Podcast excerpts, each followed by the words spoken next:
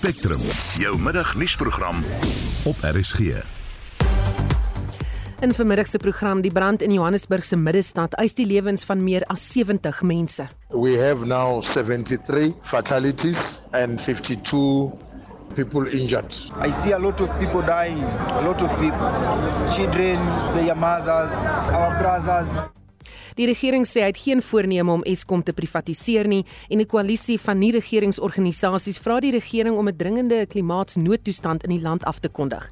Welkom by Spectrum, die span in die ateljee se redakteur Jo Marie Verhoef, produksieregisseur Daitrin Godfrey en Bongi Kosim Tembu. Ek is Susan Paxton.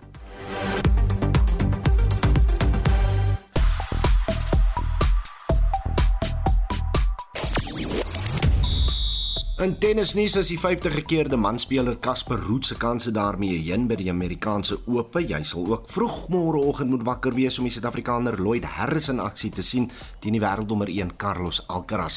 Die Proteas sal diep moet delg om gister se rekordnederlaag in 'n T20 wedstryd teen Australië te oorkom en die kampioene Mamelodi Sundowns nou 8 punte voor met 6 uit 6 oorwinnings. 'n Volledige bulletin volg net na 12:30.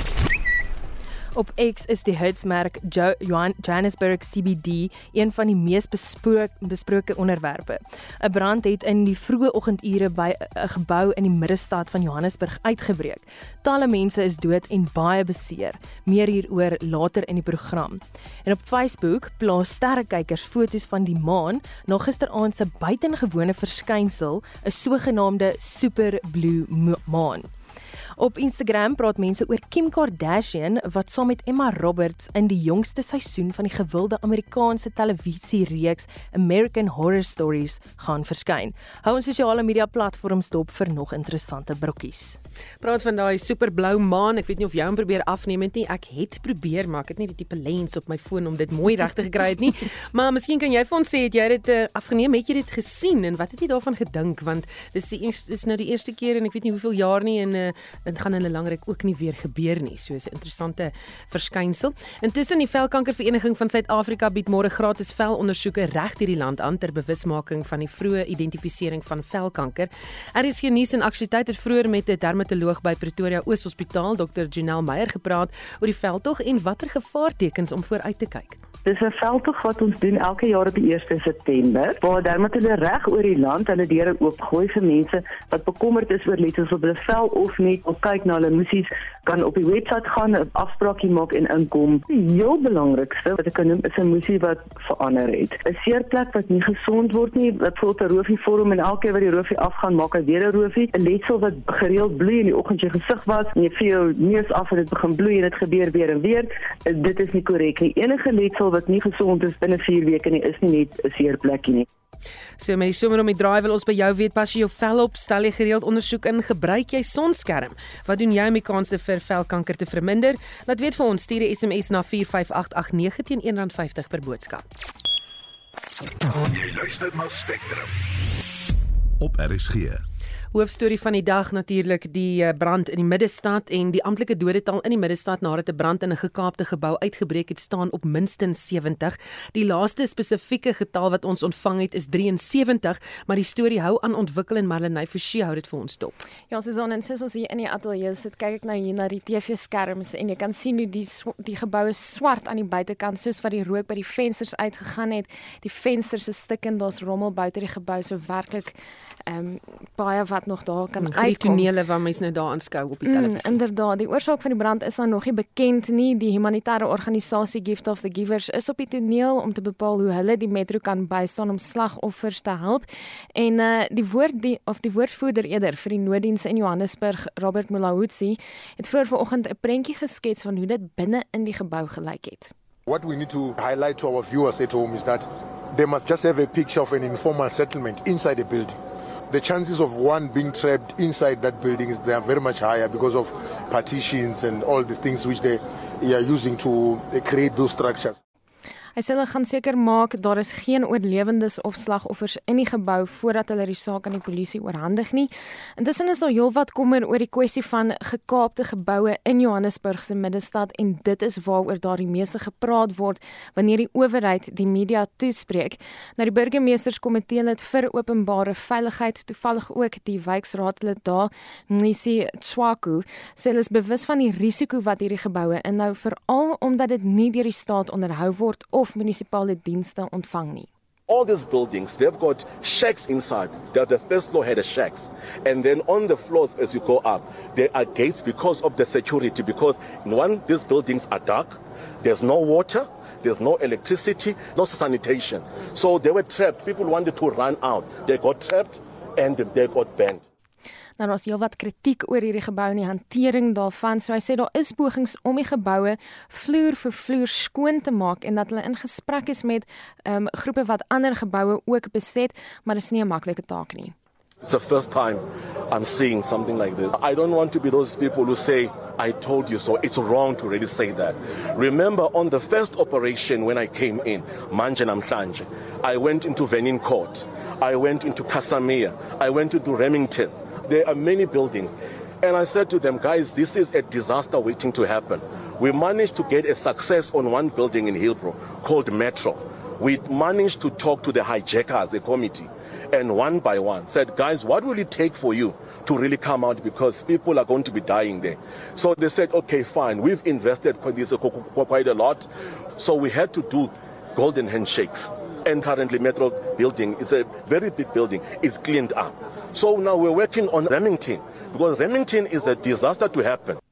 Dit die burgemeesterskomitee lid vir openbare veiligheid in Johannesburg, Nisi Chwaku, het ook verwys na gevalle studies oor hierdie geboue wat dui daarop dat inwoners van hierdie geboue ook Suid-Afrikaners is, is nie net buitelanders nie en dat skuldinvorderaars ook landsburgers is. Maar hoe het sake tot hier gekom? Edward Malopi van die winsgewende organisasie, die Instituut vir Sosio-ekonomiese Regte, het meer. is actually a homeless shelter that is operated and run by the city of Johannesburg for women and children, which they have subsequently abandoned. So, this is actually a building that should be in the care of the municipality. So we really can't be putting blame anywhere else, but squarely on what the municipality should be doing in accordance to what their duties and responsibilities are. En dit is die trant van gesprekke na die burgemeester Kabelo Gwamanda is gepeper met vrae oor die stad se onvermoë om die kwessie van gekaapte geboue suksesvol te hanteer. We are taking a more prudent approach and we are not going there with brute force. We are trying to apply a maximum sensitive strategy. The MEC as well as the Minister of Human Settlement, we had a conversation and they were alluding to the fact that Mayor, you have quite a number of buildings that we can activate in terms of providing alternative and social housing. So the issue of how the government used to evict people and how we are going to implement a strategy of I don't want to say evicting, but providing alternative accommodation so that we can repurpose these buildings is what we are particularly dealing with. Nou hy is die jongste minister, ag eerder burgemeester in Johannesburg in die middestad. Ons gereeld nuwe burgemeesters en heelwat politieke onstabiliteit in die stad en uh, dit is een van die probleme wat lei tot hierdie gekaapte geboue en die manier of die vermoë om dit aan te spreek en dit is dan nou die mening van die leier van Build One South Africa Musi Maimane wat net kort voor Spectrum ook met die SAIK gepraat het. Die minister in die presidentskap, Kumbutso Chaveni, sê president Cyril Ramaphosa ontvang gereeld die jongste inligting. Nou beseerdes word na die Helen Joseph en Southrand hospitale geneem en aan die lyke word na die Diepkloof lijkhuis geneem en wanneer daar nie meer plek is nie, gaan dit na die Hillbrow lijkhuis geneem word. Die sterfsyfer gaan na verwagting styg en ons hou gereeld op hoogte hier op Spectrum. Baie dankie, dit was Marlenae Forsie. Ons bly in Johannesburg se middestad en Oudo Karel sê het vroeër self soontoe gery en met ooggetuies gepraat. Van die ooggetuies is inwoners van die gebou wat die brand oorleef het. So you were in the building when the fire took place? Yeah. So what did you see? I just now I can't feel it fresh. My, my family is passed away. I can't understand. I need help, but I don't know what happened. I need help. How many people live in this building? Ah, Too much. A lot of people they live in there. What do you remember from the fire this morning? The fire started eh, around eh, around one. People starting to burn since around around one until five, until five o'clock. People were burning from Yeah, one until five one o'clock. until five o'clock. What did you see with your own eyes? Yo, I see a lot of people dying. A lot of people, children, their mothers, our brothers, four brothers, they burn inside. How did you manage to get out? I jumped from the roof. From the roof? Yeah, jump. From the top? Yeah, on the top. And, and how did you survive? Because it's five stories up.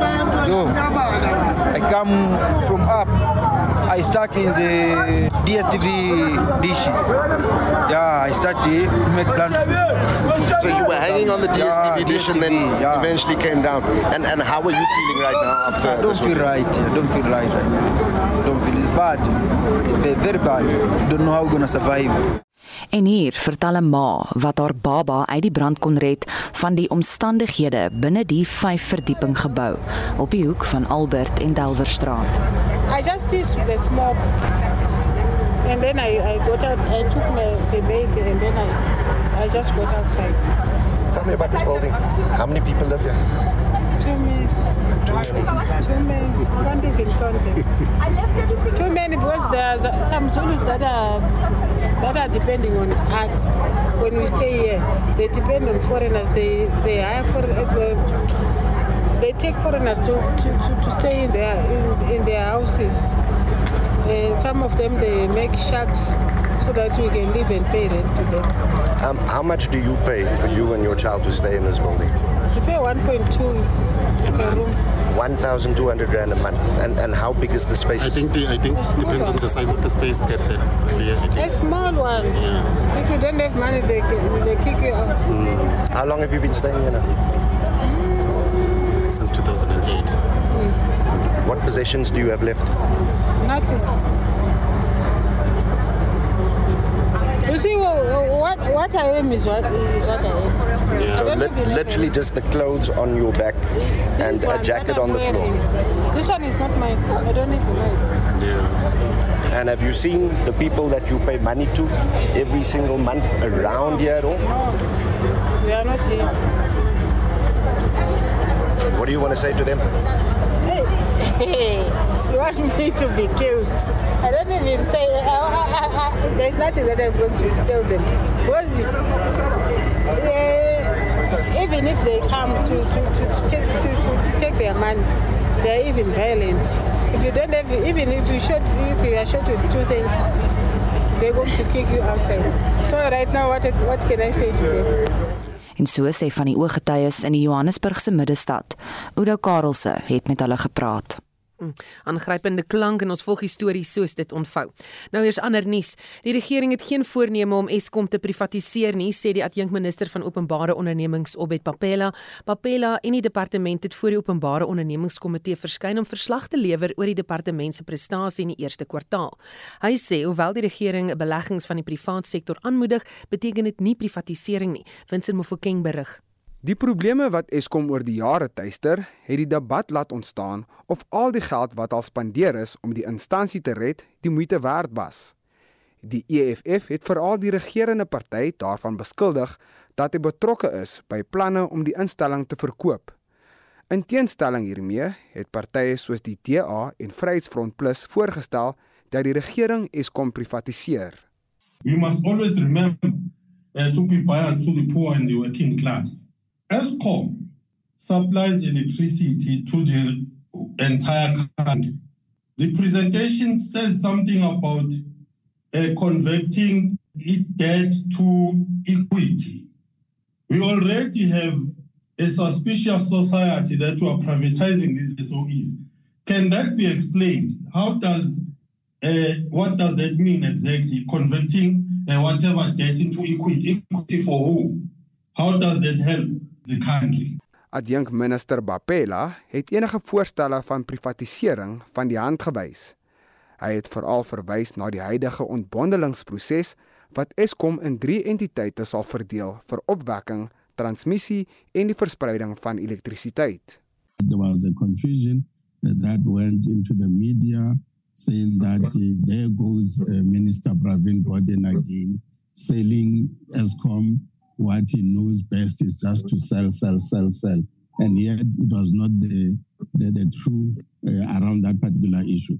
So ESCOM was selling uh, its own entity and buying it as ESCOM and then to be a 100% owned state-owned company uh, as a standalone distribution, transmission, and then, and then generation Bapela het ook aan die komitee verduidelik waar sake met die staatswapenvervaardiger Denel staan.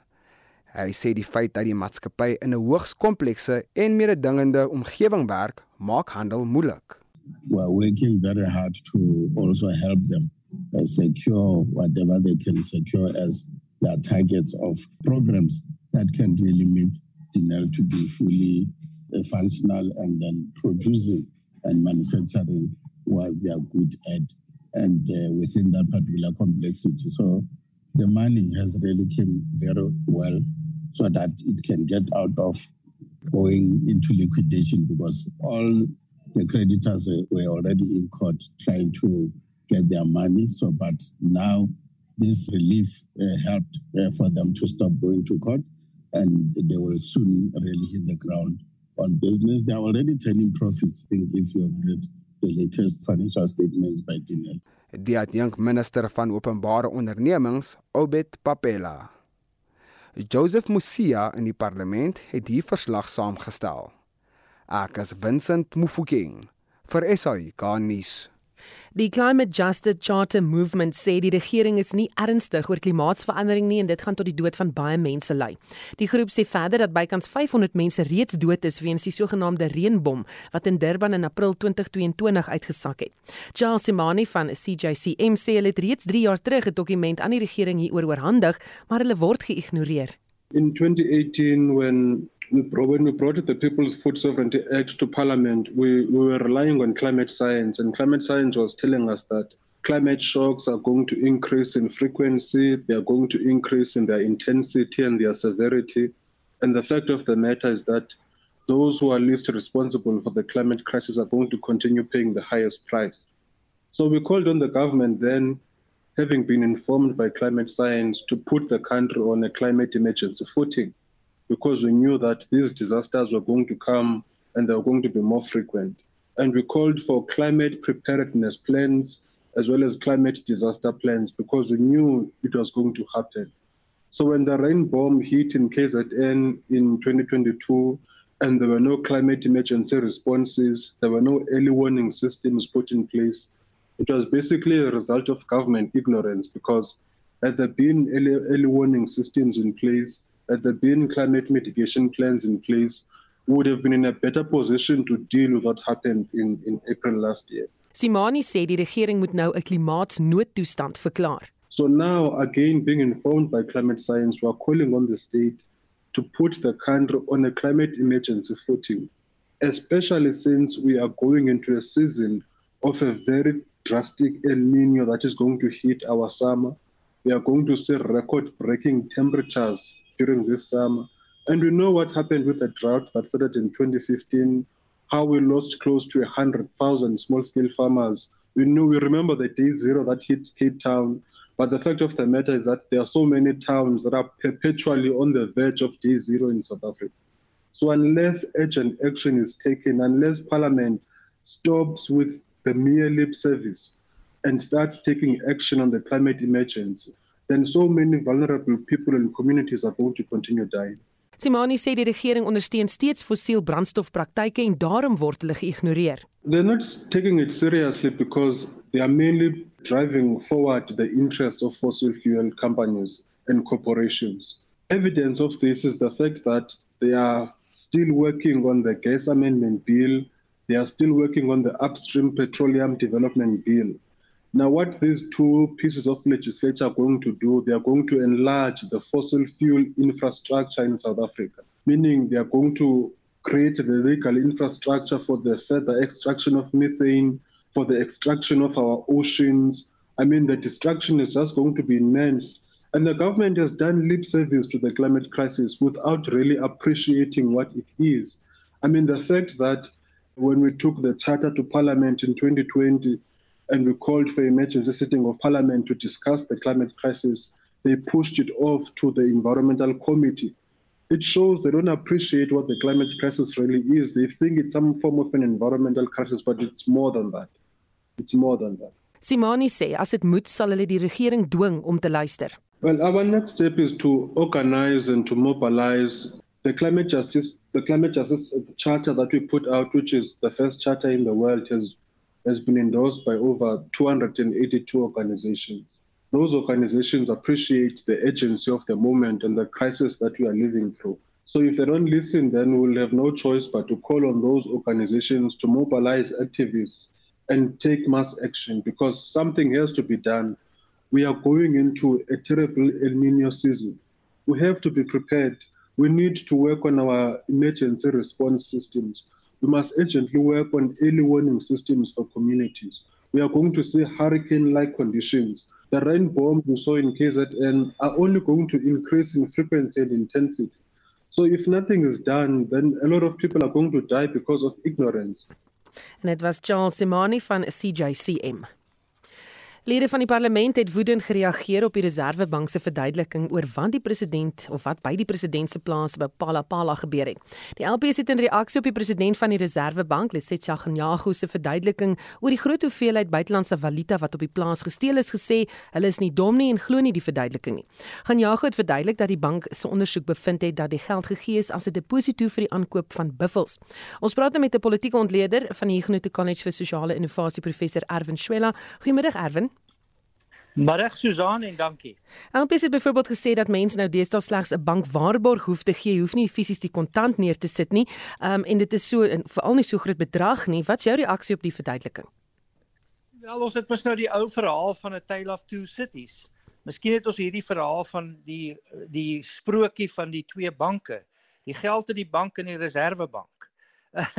en die implikasie is hierdie is patente onsin um, in terme van uh, enige regsdefinisie en dit gaan hier by die Reservebank dit wat ons weet is dat dit skynbaar 'n tegniese oplossing is om die president verleentheid te bespaar. En hulle argumenteer daar was nie 'n transaksie nie want uh, in 'n sekere sin is die geld in die bank um, en die die buffels is nog nie gelewer nie. Ons gemeenereg en ons kontrakte reg is baie duidelik. As twee partye konsensus bereik het en daar's 'n koopsaak en daar's 'n geldsom, is daar 'n is daar 'n kontrak. So daar's 'n ooreenkoms. So die Reservebank is is is werklik besig om hierdie ding in 'n sekere sin te bestuur om die president verleentheid te bespaar en dit gaan uiteindelik nie werk nie. Ehm um, ons moet dus aanvaar dat hierdie ding gaan 'n saag geword wat nou maar net die ding verleng en uiteindelik sal die waarheid uitkom op die oomblik is daar mos nou sprake van 'n van 'n van 'n ehm um, bevordering op die toegang tot inligtingaansoek en ons wil almal weet wat staan in daai reservebank verslag en die LPs wat krities is daaroor is te reg krities. Laaste punt net vir die oomblik, my studente is hier op die agterkant aan die gang, so julle mag hulle dit al hoor.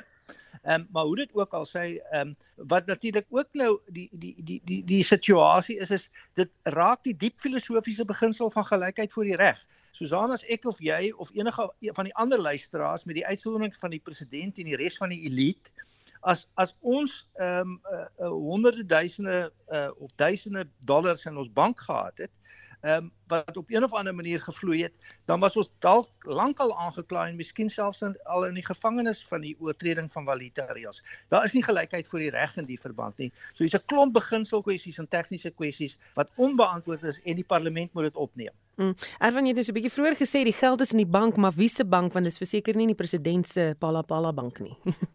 Nee nee nee. Miskien gaan hy nog so een skep ook. Sê ons het mos die FSB bank ook al gehad. Mm, sê vir in watter lig plaas hierdie bevindinge die Reservebank? Dis jammer want die Reservebank het eintlik 'n redelike perspektief of 'n redelike beeld van onkreukbaarheid en 'n vorm van onafhanklikheid. Maar dit lyk asof ehm um, byna alles in Suid-Afrika verhandelbaar is om nou maar bankterme te gebruik in terme van ehm um, uiteindelik die beskerming van van van elite belange. Ehm um, en dit dit dit het definitief 'n impak op wat ons in die verlede gesien het as die integriteitsperspektief of persepsie van die Reservebank. Dis jammer dat dit nou moet gebeur en dit behoort net nie te gebeur nie. So dit het definitief 'n negatiewe effek op 'n voorheen kom ons sê skoon en en en uh, perspektief wat eintlik gelyk het op integriteit. Baie dankie. Dit was professor Erwin Schwella van die Huguenot College vir Sosiale Innovasie. Spectrum, jou middagnuusprogram op RSG. In die nuus die dodetal na vanoggend se brand by 'n gekaapte woonstelblok in Johannesburg se middestad staan op 73, maar kan na verwagting styg en die naderdraai van die taxi-staking in die Wes-Kaap speel steeds uit die onder die mees behoeftigste of behoeftige gemeenskappe bly ingeskakel.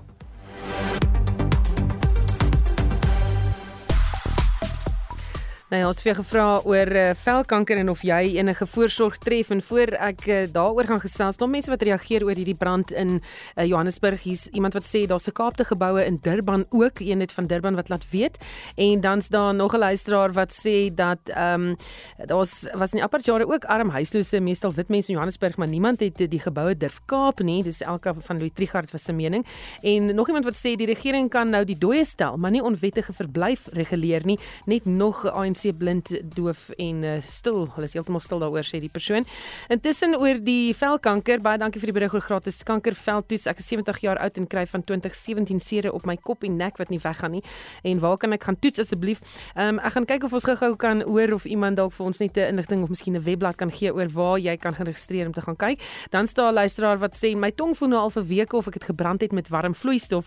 Kan dit die begin van kanker wees? My smaak en reuk word ook beïnvloed. Dis is van die Ooskaap nou is As jy bekommerd is daaroor, moet jy uh, liewer se dokter toe gaan. Ons is nie dokters nie. Ek gaan nie vir jou kan sê of daar iets fout is of wat aangaan nie, maar definitief as jy bekommerd is, vertrou jou instink en uh, gaan kyk 'n uh, eh, bietjie by die dokter of gaan hoor by 'n dokter wat aangaan. Intussen gesels saam 45889. Onthou SMS se kos R1.50.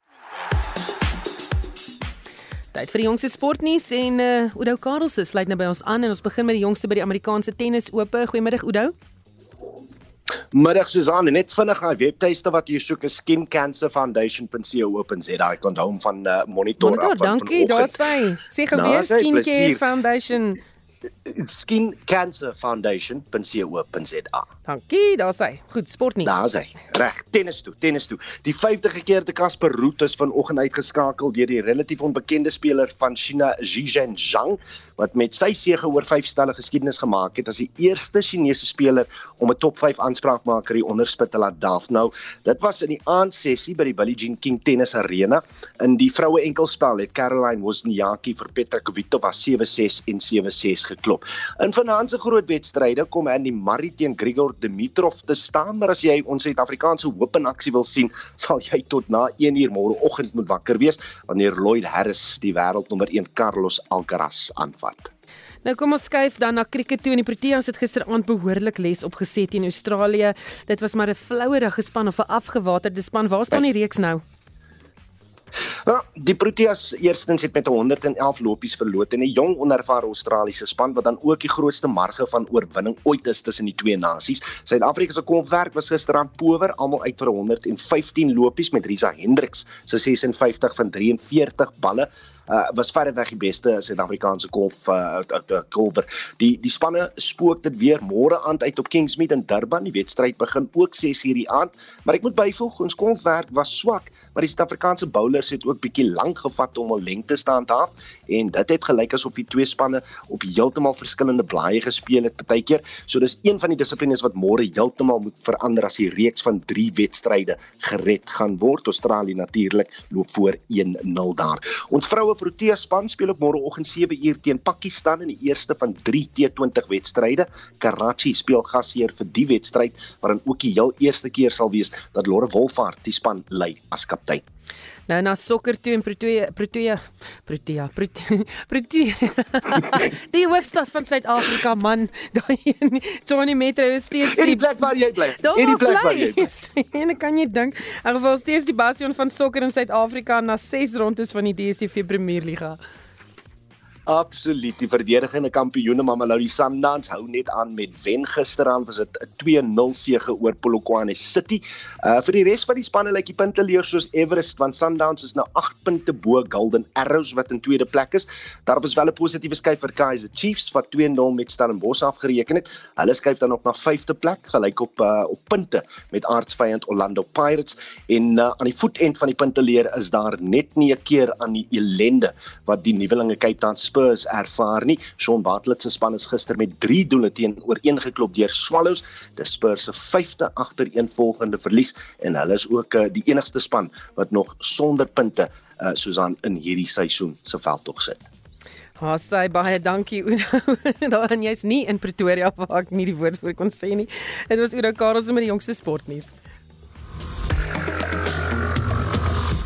Jy luister na Spectrum. Elke weekmiddag tussen 12 en 1. En is in 12:37 die Rugby Wêreldbeker is om die draai en dit inspireer gewoonlik mense om op allerlei maniere die bokke te ondersteun.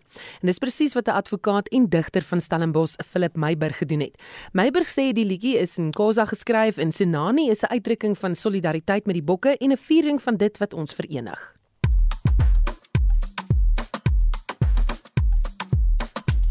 I'm a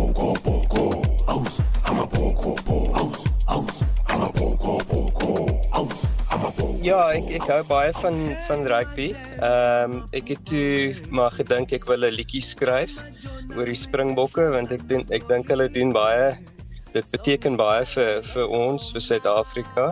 Toe het ek dit maar geskryf en 'n geleentheid gekry om met twee ander mense te werk om my woorde te omskep, te toonset en Sinani te skep in die proses. Sinani soos Khosa en Sinani is ons is met julle. Hoekom in Khoza? Ek, ek doen maar elke week my les uh, in Khosa. Ek praat dit so bietjie ek kan dit uh, my skryfwerk is is heelwat beter want ek is maar iemand wat wat werk met woorde, wat skryf en ek het net gedink dit uh, weet jy hulle het 'n tradisie of die Khosa mense het 'n tradisie van van rugby Ehm um, hulle het soveel bygedra tot die hele rugby gemeenskap en so aan en dit was net lekker vir my um, om dit in Khoisa te skryf. Uh dis maar hoe dit begin het. Begin skryf dan is dit of Engels, Afrikaans of Khoisa en ek vind dat weet jy wat wat ek probeer doen dit dit uh, sê net vir my in watter taal ek dit moet doen. So dis eintlik hoekom ek dit gedoen het in Khoisa. Dis 'n boodskap aan die span. Ons sing ons is saam met hulle. Ons gaan die pad saam met hulle stap. Dis nou uh Sia Ambanani. Uh ons is met hulle daar ver van die huis oor see op die veld en uh en as hulle terugkom dan dan is ons hierso vir hulle. Ons sal hierso wees as hulle terugkom. Amaboko boko aus, amaboko boko.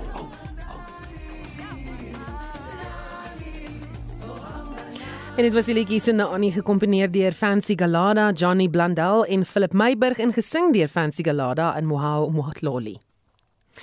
Die DA het 'n alternatief tot die regering se studentehulp finansieringsskema NSFAS.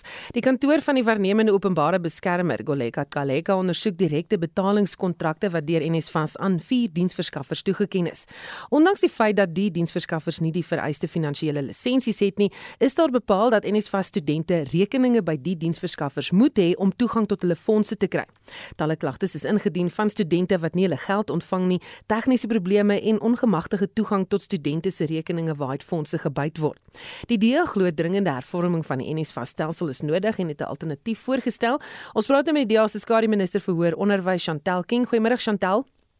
Goeiemiddag, hoe gaan dit? Met my gaan dit goed, maar hoeveel studente ontvang op die oomblik NSFAS befondsing? Op die oomblik is dit 1.1 miljoen studente wat NSFAS uh, befondsing ontvang. Lê die probleem juis hier in die befondsingsmodel? Ja, dit dit lê eintlik daar van wat op die oomblik gebeur alhoewel dit baie klink dat dit 1.1 miljoen is wat kry. Um ons het ook 'n probleem met die feit dat NSFAS se stelsel um lok baie ander studente uit soos die in die missie middel wat nou nie graag gehelp word deur hierdie stelsel nie. So ons het aangebied dat op hierdie huidige oomblik moet ons weer kyk na hoe NSFAS aangebied word sodat daar meer geld beskikbaar kan word om meer studente uit te help in die langtermyn. Um ons het 'n stelsel aangebied wat ons wat die stelsel self kan help om voort te bestaan as gevolg van die huidige stelsel wat heel wat um moet rely op die um staatshulp. Mm.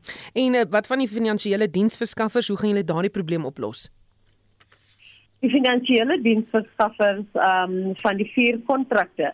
Ons wag vir die publieke public protector se uitkoms.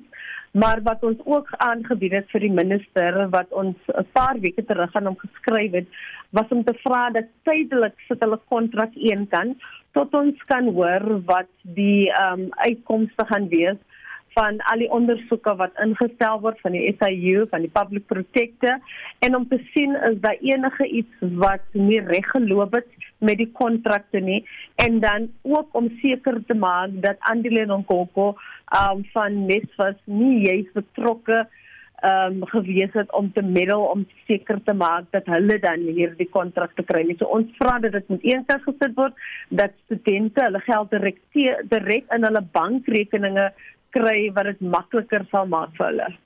Baie dankie het gepraat met die DEA se skare minister vir hoër onderwys Chantel King. 'n Gebrek aan kennis en befondsing veroorsaak dat aandagtekort, hiperaktiwiteitversteuring of ADHD nie behoorlik gediagnoseer word nie. So wat een uit elke 20 kinders ly aan ADHD en so wat 1 miljoen volwassenes in Suid-Afrika ly daaraan. Dis ook die hoofbesprekingspunt by die jaar se 4de Suider-Afrika Multidissiplinêre ADHD Kongres wat tans aan die gang is. En ons praat nou met professor Renata Skooman, die hoof van eh, gesondheidsleierskap aan die Stellenbosch Universiteit en die organiseerder van hierdie kongres. Goeiemôre Renata. Middag Suzan, middag luisteraars. Hoekom is daar nie genoeg befondsing hiervoor as dit so 'n groot probleem is nie?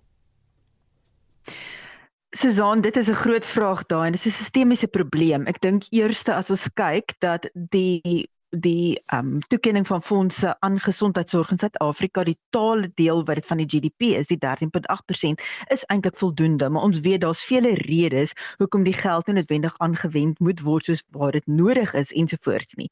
Ook as gevolg van 'n gebrek aan bewustheid van verskeie mental health disorders word daar slegs 5% van die gesondheidsorg begroting aan gesondheid uh, aan mental health disorders toegeken en in dit maar 1% aan kinders. So ek dink dit gaan oor 'n gebrek aan bewustheid, 'n gebrek aan insig en kennis en ook nie die verstaan wat die langtermyn implikasies is as ons nie kinders met ADHD vroeg identifiseer en die nodige ondersteuning gee nie. Wat is die langtermyn implikasies? Ons weet hoe beter ons dit identifiseer en ondersteun in vroeë kinderjare veral in die vroeë skooljare is die kans dat 'n kind dit kan in aanhalingstekens ontgroei groter want hulle brein word ondersteun met medikasie om die neuroplastisiteit en ontwikkeling te bevorder maar daar word ook ondersteuningsstelsels in plek gestel soos psigoterapie, um, intervensies by die skool en ook akkommodasies wat help vir die kind om dan die nodige vaardighede ook aan te leer. So dit's baie belangrik die vaardigheid aspekte en ook dan die mediese aspekte daarvan. So wat's die oplossings hier? Ek dink een is om 'n bewusmaking soos wat jy media is verskriklik belangrik vir ons om hierdie platforms te kan gebruik to spread the word, maar dan ook om te verstaan dat ons in psigiaters nie alleen hierdie diens kan lewe nie. Daar is net eenvoudig te min en daarom ook die belangrikheid van kongresse soos die huidige kongres waar dit 'n multidissiplinêre span is waar ons sielkundiges, um, algemene praktisyns, pediaters, psigiaters, arbeidsterapeute almal betrokke het sodat almal beter kan raak in terme van die identifisering en ook die ondersteuning van kinders. Maar natuurlik dan ook om die gesprek in die wyeer publiek in te stoot wat onderwysers kan verstaan, ouers kan verstaan dat wat is ADHD? Hoe kan ons dit hanteer? Hoe kan ons 'n kind en 'n volwasse se langtermyn uitkomste um, verbeter? Baie dankie. Dit was professor Renata Skuman, die hoof van gesondheidsleierskap aan die Stellenbosch Universiteit. En nog 'n staatsgreep in Afrika as Gabon se president Ali Bongo Saterdag uit die kussings gelig. Slegs ure nadat dit bekend gemaak is dat Bongo vir 'n derde termyn as president herverkies is, het Gabon se militêre magte die land oorgeneem en Bongo gevange geneem.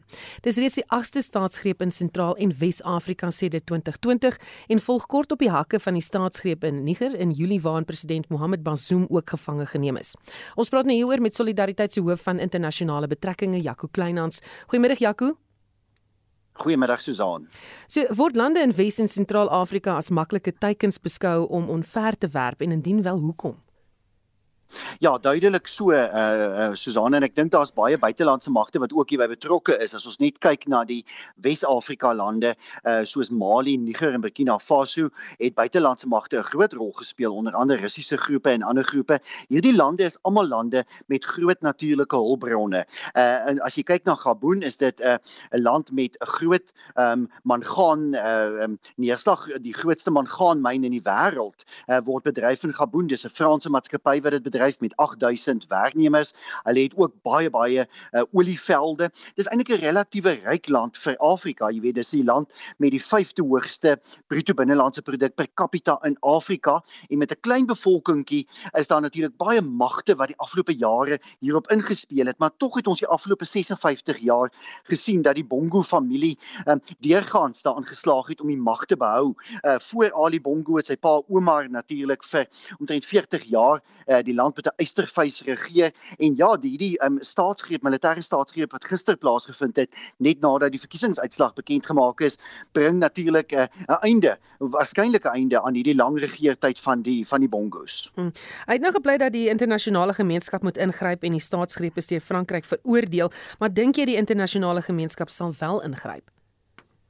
Ek dink nie so nie Susan, daar's eintlik relatief min om te doen. Kyk, die Afrika Unie het ver oggend vroeg um, reeds dit verwerp. Hulle het gesê daar moet teruggekeer word na demokrasie. Daar was uh, verlede Saterdag 'n demokratiese verkiesing gewees.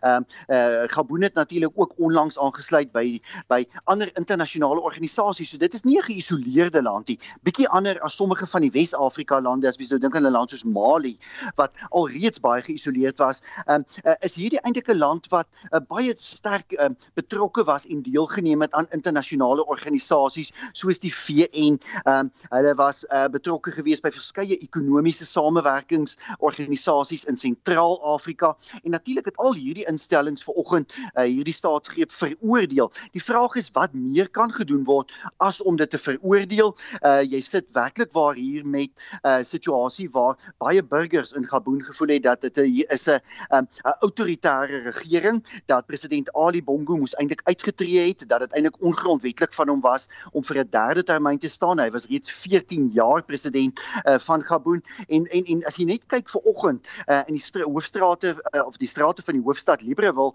dan vier mense fees. Daar's daar's duidelik ook openbare steun hiervoor en dis ook duidelik dat die weermag hierdie baie goed beplan het, want dit was omtrent enkele minute nadat die verkiesingsuitslag gister bekend gemaak is wat hierdie staatsgreep uitgevoer is. So daar is breë steun hiervoor en dit is jammer, jy weet want daar's 'n groot verlies aan demokrasie tans in Wes en in Sentraal-Afrika. Intussen in Niger waarskynlik die Verenigde Nasies se vlugtelingeagentskap dat die onstabiele situasie na die staatsgreep in Julie in 'n humanitêre krisis kan ontaard. Ja, duidelik. Jy weet uh, wat 'n mens uh, gesien het ook die afgelope paar maande in ander lande soos Niger, Burkina Faso en Mali, natuurlik is dat hierdie lande onmiddellik geïsoleer word. Hulle doen dit ook natuurlik aan hulle self. Jy weet, een van die eerste stappe wat hierdie nuwe militêre oorgangsregering nou in Gabon gedoen het, is om sy grense te sluit, om sy lugruim te sluit. Dit skep natuurlik binne enkele dae uitdagings met handel, 'n uh, groot verlies aan buitelandse investering. Gabon se ekonomie is baie baie sterk gebou op buitelandse maatskappye in die olie en in die mynbou sektor um, wat natuurlik juis gesorg het daarvoor dat die land 'n redelike goeie inkomste verdien het en vir sy burgers kon sorg. So jy sien waarskynlik redelik vinnig 'n um, uh, uh, uitdaging met produkte veral voedsel wat ingevoer moet word. Die land het die meeste voedsel um, ingevoer. Hy's nie 'n groot voedselprodusent nie. Interessant genoeg ook is dat Gabon 'n baie groot uh, immigrante bevolking het, buitelandse bevolking. Uh, onder andere is 10% van die land se bevolking Europeërs wat daar werk wat veral werk vir mynbou en oliemaatskappye en natuurlik gaan baie van hierdie mense probeer om die land te verlaat. So ek dink 'n mens gaan oor die volgende paar dae ehm um, uh, baie onstabiliteit daar sien en natuurlik is dit baie jammer want hierdie was wel uh, ten minste ekonomies een van die meer stabiele lande in Sentraal-Afrika. Baie dankie, dit was Solidariteit se hoof van internasionale betrekkinge Jaco Kleinhans. Is die nuus en ontwikkelende stories vir ons dop en ons is besig met die brand wat in die vroeë oggendure in Johannesburg se middestad uitgebreek het, Estie. Die brand het in 'n vyfverdieping woonstelblok op die hoek van Alberts en Delwerstrate uitgebreek en die oorsaak van die brand word nog ondersoek. Brandbestryders van die Johannesburg se nooddienste en die Metro Raad se rampbestuur afdeling is sedert vroeg vanoggend op die toneel ontplooi waarna die brand geblus is. Daar is meer as 70 mense in die brand dood. Die jongste doodtal is 73, maar dit sal na verwagting styg. Sowat 50 mense is ook beseer.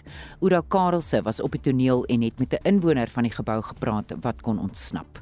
The fire started around 1. People starting to burn since around 1 until 5 o'clock. People were burning from Yeah, 1 until 5 1 o'clock. Until 5 o'clock. What did you see with your own eyes? Yo, I see a lot of people dying.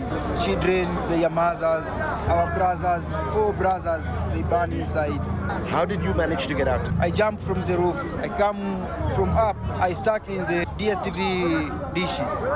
And and how are you feeling right now after I don't feel right. I don't feel right. It's bad. Don't know how we're gonna survive. Johannesburg se burgemeesterskomitee lid vir gemeenskapsveiligheid, Gesine Tswaku, sê verskeie hekke aan die binnekant van die gebou was gesluit. Die verlate woonstelblok is beset deur sowat 200 inwoners. The main reason here that there's a high death toll of the people is a lot of partitions and the gates in between where people are. They say people they wanted to really scream and they should get out, but they could not. Many burnt bodies were found actually stashed on that gate. At this bottom here on the level floor, also there's people that actually had informal settlement sort of. You had a lot of people that have built using like high flammable material, your wood and all of that. In nog 'n brand in die informele nedersetting Smitswil in Sedgefield in die Wes-Kaap is meer as 30 informele huise en 3 steenhuise verwoes. Niemand is in die brand beseer nie. Inwoners wat uit die buurt ontruim is, word tydelik by die plaaslike gemeenskapsentrum gehuisves en die humanitêre organisasies Gift of the Givers, The Lions en Mobile Meals is behulpsaam met onder meer kos en komberse. En 'n roudiens is pas afgesluit vir die veteraanjoernalis Derek Watts wat verlede Dinsdag sy stryd teen kanker verloor het. Die roudiens wat in Johannesburg gehou is, was 'n private aangeleentheid vir familie en vriende, maar is aanlyn uitgesaai. Dit was Estie met 'n oorsig van nuus en ontwikkelende stories. Ons groet namens die uitvoerende regisseur Nicoline de Wee, die redakteur Jomari Verhoef, ons produksieregisseurs Bongie Kosim Tembo en Daitrin Godfrey. My naam is Susan Paxton, bly ingeskakel vir 360. Bye.